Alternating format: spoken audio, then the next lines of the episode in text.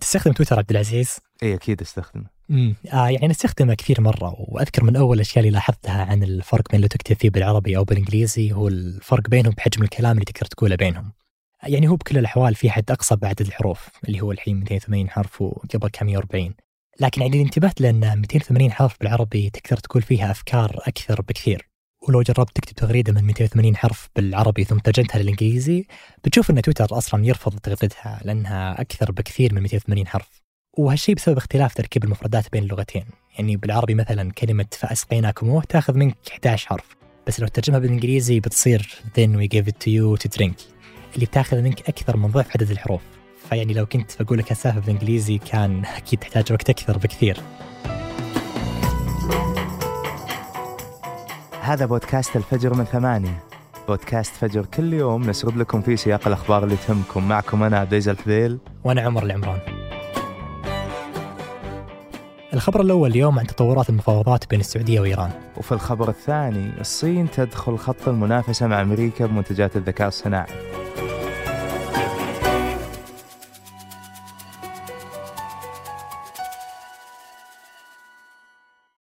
قهوة الصباح وأجود محاصيل البن المختص تلاقيها في خطوة جمل اعرف أقرب فرع لك من الرابط في وصف الحلقة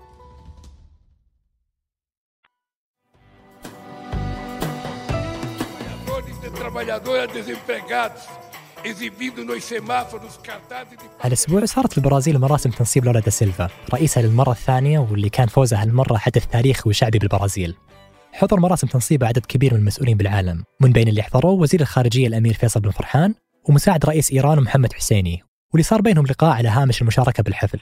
وبعد اللقاء صرح مساعد رئيس إيران ان من الضرورة استمرار المحادثات بين السعودية وإيران. وقالت وزارة الخارجية الإيرانية لما انقلت هالخبر إن الأجواء الحالية بالمفاوضات بين الدولتين إيجابية. وهاللقاء جاء بعد خمس جولات من المفاوضات السرية بين السعودية وإيران اللي كانت تستضيفها العراق كوسيط من 2021. وهالمحادثات بآخر سنتين تمثل تحول جديد من التحولات الكبيرة بتاريخ العلاقات بين الدولتين اللي بدت ب 1929 وقت ما كانت إيران دولة ملكية ويحكمونها سلالة البهلويين. وقتها وقعت السعودية مع إيران معاهدة صداقة وفتحت إيران سفارة لها بجدة. وكان في أكثر من شيء يجمع الدولتين آه، منه مثلا تحالفهم المشترك مع أمريكا ويمكن الأهم منه إن مصر بعد ثورة الضباط الأحرار في الخمسينات كانت تعادل الانظمه الملكيه بالمنطقة واللي منهم السعودية وإيران وهالشيء قرب الدولتين من بعض أكثر فمثلا بحرب اليمن اللي كانت بالستينات تحالفت السعودية والأردن وإيران ضد مصر. لكن لما صارت ثورة الخميني على النظام الملكي ب 1979 تغيرت العلاقة بين الدولتين جذريا. للأسف آه، الخميني منذ وصوله لل- للحكم في إيران آه، بدأ بحملة إعلامية لما سماه في حينها لإسقاط الملوك بصفة عامة. بعد أقل من سنتين على ثورة الخميني بدت حرب الخليج الأولى بين العراق وإيران. وفي الحرب دعمت السعودية وباقي دول الخليج العراق. وكان رد إيران على هالشيء هو قصف ناقلات نفطية خليجية وحاولت تخترق طياراتها المجال الجوي السعودي قبل ما تسقط طيارتين إيرانية فيه. لكن مع كل هالتصعيد كانت العلاقات بين الدولتين قائمة إلى ما صارت أحداث الحرم ب 1987 وكرر قادتهم الأمر بعدم التراجع ومن هنا بدأ اعتداؤهم على رجال الأمن والحجاج والمواطنين. قطع العلاقات بين الدولتين اللي صار بعدها استمر إلى 1991 بعد ما انتخب رفسنجاني كرئيس جديد لإيران واللي كان إصلاحي وأكثر اعتدال من الرؤساء اللي قبله.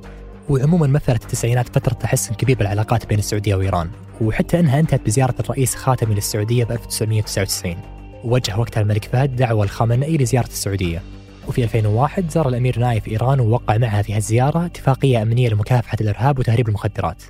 أنا أعتقد أنه مجالات ال- التنسيق بين البلدين أصبحت أكثر وهذا ما سيعود بالفائدة على القضايا نفسها لكن بعد 2003 تعقدت العلاقات مرة ثانية It was just over 90 minutes beyond President Bush's deadline for Saddam Hussein to leave. بعد ما. انتهى غزو العراق وبدت حكومة جديدة تشكل فيه بدأت إيران تحاول تمد نفوذها للعراق من خلال الارتباط مع عدد كبير من نواب البرلمان الشيعة اللي صاروا موالين لها وهالشيء مع انتخاب الرئيس نجادي اللي كان أقل اعتدال من اللي قبله رفسنجاني وخاتمي بالإضافة للتطورات الكبيرة اللي صارت وقتها بتطوير إيران لسلاح نووي خلقت توترات جديدة بالعلاقات بين الدولتين. واللي وصلت لمحاولة اغتيال سفير السعودية بأمريكا وقتها عادل جبير. The Obama administration yesterday accused two Iranian agents of plotting to assassinate the Saudi ambassador in the United States. ثم في 2016 قطعت السعودية علاقاتها مع إيران بسبب الاعتداءات اللي صارت على سفارتها في طهران وقنصليتها بمشهد اللي جت بعد تنفيذ حكم إعدام نمر النمر. وبعدها بخمس سنين في 2021 بدأت العراق تستضيف جولات المفاوضات بين السعودية وإيران عن عدة ملفات بالمنطقة تختلف حولها الدولتين. ورغم أنها بدأت بالبداية بدون مشاركة لكبار المسؤولين بالدولتين إلا أنها نجحت بيناير السنة اللي راحت بإعادة ثلاث دبلوماسيين إيرانيين للسعودية. وبعدها بأربع شهور قال وزير الخارجية الأمير فيصل بن فرحان أن المحادثات الحالية مع إيران شهدت بعض التقدم لكنه غير كافي وبعدها بسبع شهور وفي ديسمبر السنة اللي راحت قال أن إيران جزء من المنطقة وجارة وبنستمر في مد اليد للوصول لعلاقة إيجابية معها. واليوم وبعد خمسة جولات من المفاوضات وجولة سادسة مؤجلة يقول وزير الخارجية الإيراني أن المفاوضات مستمرة على مسارها وأن إيران مستعدة لإعادة العلاقات وفتح السفارات بين الدولتين وإقامة اجتماعات على مستوى وزراء الدفاع والخارجية. في السنوات الأخيرة صارت التكنولوجيا هي مركز المنافسة المتصاعدة بين أمريكا والصين. وهذا التنافس التكنولوجي بين أكبر اقتصادين أهدافه مهم منحصرة على القدرة التنافسية الاقتصادية. ولكنها أيضا مرتبطة بالأمن القومي الأمريكي. ورغم تقدم الشركات الأمريكية في المنافسة التكنولوجية على مستوى المواهب والبحث والتطوير في القطاع إلا أن الصين تراقب مجتمع التكنولوجيا في الغرب بشكل مكثف ويبحث رواد الأعمال والباحثين والمستثمرين الصينيين عن استراتيجية جديدة تسوي تأثير أكبر في مجال الذكاء الصناعي. وتعمل شركات التكنولوجيا الصينية حاليا على ابتكار أدوات وتطبيقات باستخدام تقنيات مفتوحة المصدر عشان تجذب عملاء ومستثمرين. وعموما أصبح الذكاء الصناعي يتغلغل في كل صناعة تقريبا في الوقت الحالي. فصار ممكن للمركبات أنها تتحرك بدون سائقين. وأصبح في روبوتات تساعد الأطباء في التشخيص الطبي. وتم دمج الذكاء الصناعي في عمليات الشركات لتحسين العمليات التجارية. ومع زيادة انتشار الجيل الخامس صار ممكن استخدام التقنية في المنازل والمدن الذكية. أما الأشهر حاليا في تطبيقات الدردشة الذكية واللي من بينها Open AI واللي أصبحت بمثابة محركات بحث خارقة بإمكانها توفر الأفراد والشركات ملايين المعلومات والبيانات بشكل سريع. وأصبحت العديد من الشركات اللي مقرها في أمريكا هي من تقود قطاع الذكاء الصناعي في العالم. من بينها شركة ساب وهي شركة تقنية عالمية مدرجة في بورصة ناسداك وتعتبر واحدة من أكبر شركات البرمجيات اللي تستخدم الذكاء الصناعي. وتقدر قيمتها السوقية ب 13 مليار دولار أمريكي. ومن بين الشركات الأمريكية شركة جنرال إلكتريك وهي شركة مدرجة في بورصة نيويورك وأحد ملاكها هو الملياردير وارن بافيت. وتركز الشركة على إدخال الذكاء الصناعي في قطاعات متنوعة من بينها قطاعات النفط والغاز والطاقة المتجددة والطيران والرعاية الصحية. ودخلت الشركات الصينية في السنوات الأخيرة على خط المنافسة مع الشركات الأمريكية العملاقة. فشركة بيدو الصينية صارت من بين أكبر 15 شركة بالعالم في مجال الذكاء الصناعي. وتركز الشركة المدرجة في بورصة ناسداك على خدمات البحث على الإنترنت بالصين. وتخطط أنها تبني أكبر منطقة خدمة نقل سيارات ذاتية القيادة في العام 2023 ومع هذا التقدم الملحوظ للتقنيات الأمريكية في قطاع الذكاء الصناعي إلا أن التقنية الصينية تتفوق في مجالات التعلم العميق والواقع الافتراضي وخوارزميات إنتاج نصوص ودمج الصور والمشاهد الافتراضية. ومع أن المنتجات التقنية الصينية تتعرض للنقد كونها تتعامل بصرامة مع عمليات التحقق من أسماء المستخدمين واللي ممكن تساعد في انتهاك الخصوصيات والوصول لهوية الأفراد الحقيقية إلا أن الخبراء يشيرون إلى أن هالمزايا لها جانب إيجابي ومميز فهي قد تساعد في استخدامات أكثر مسؤولية للذكاء الصناعي ويقلل من إساءة استخدام التطبيقات عموما خصوصا في مجال إنتاج ونشر أخبار مزيفة من صنع الذكاء الصناعي. ولهالأسباب تحاول أمريكا إيقاف التفوق الصيني.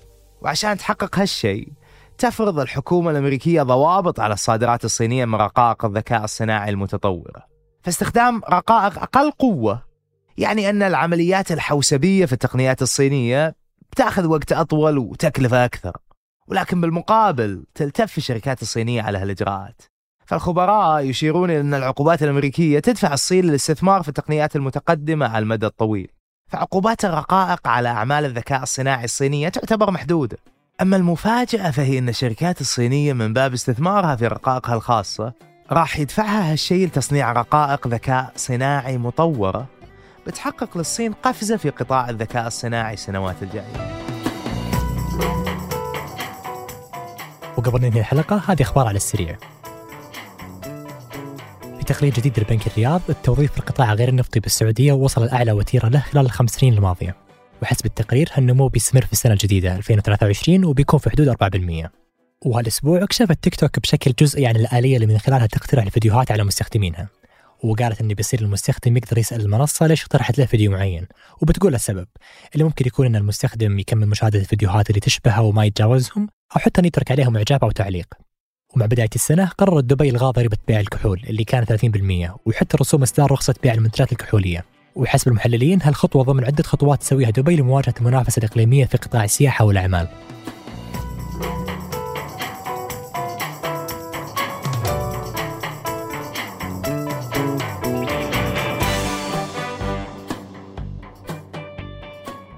أنتج هذه الحلقة عمر العمران وتركي البلوشي وقدمتها أنا عبد العزيز الحبيل. وأنا عمر العمران. وراجعتها سحر سليمان وحررها محمود أبو ندى نشوفكم بكرة الفجر.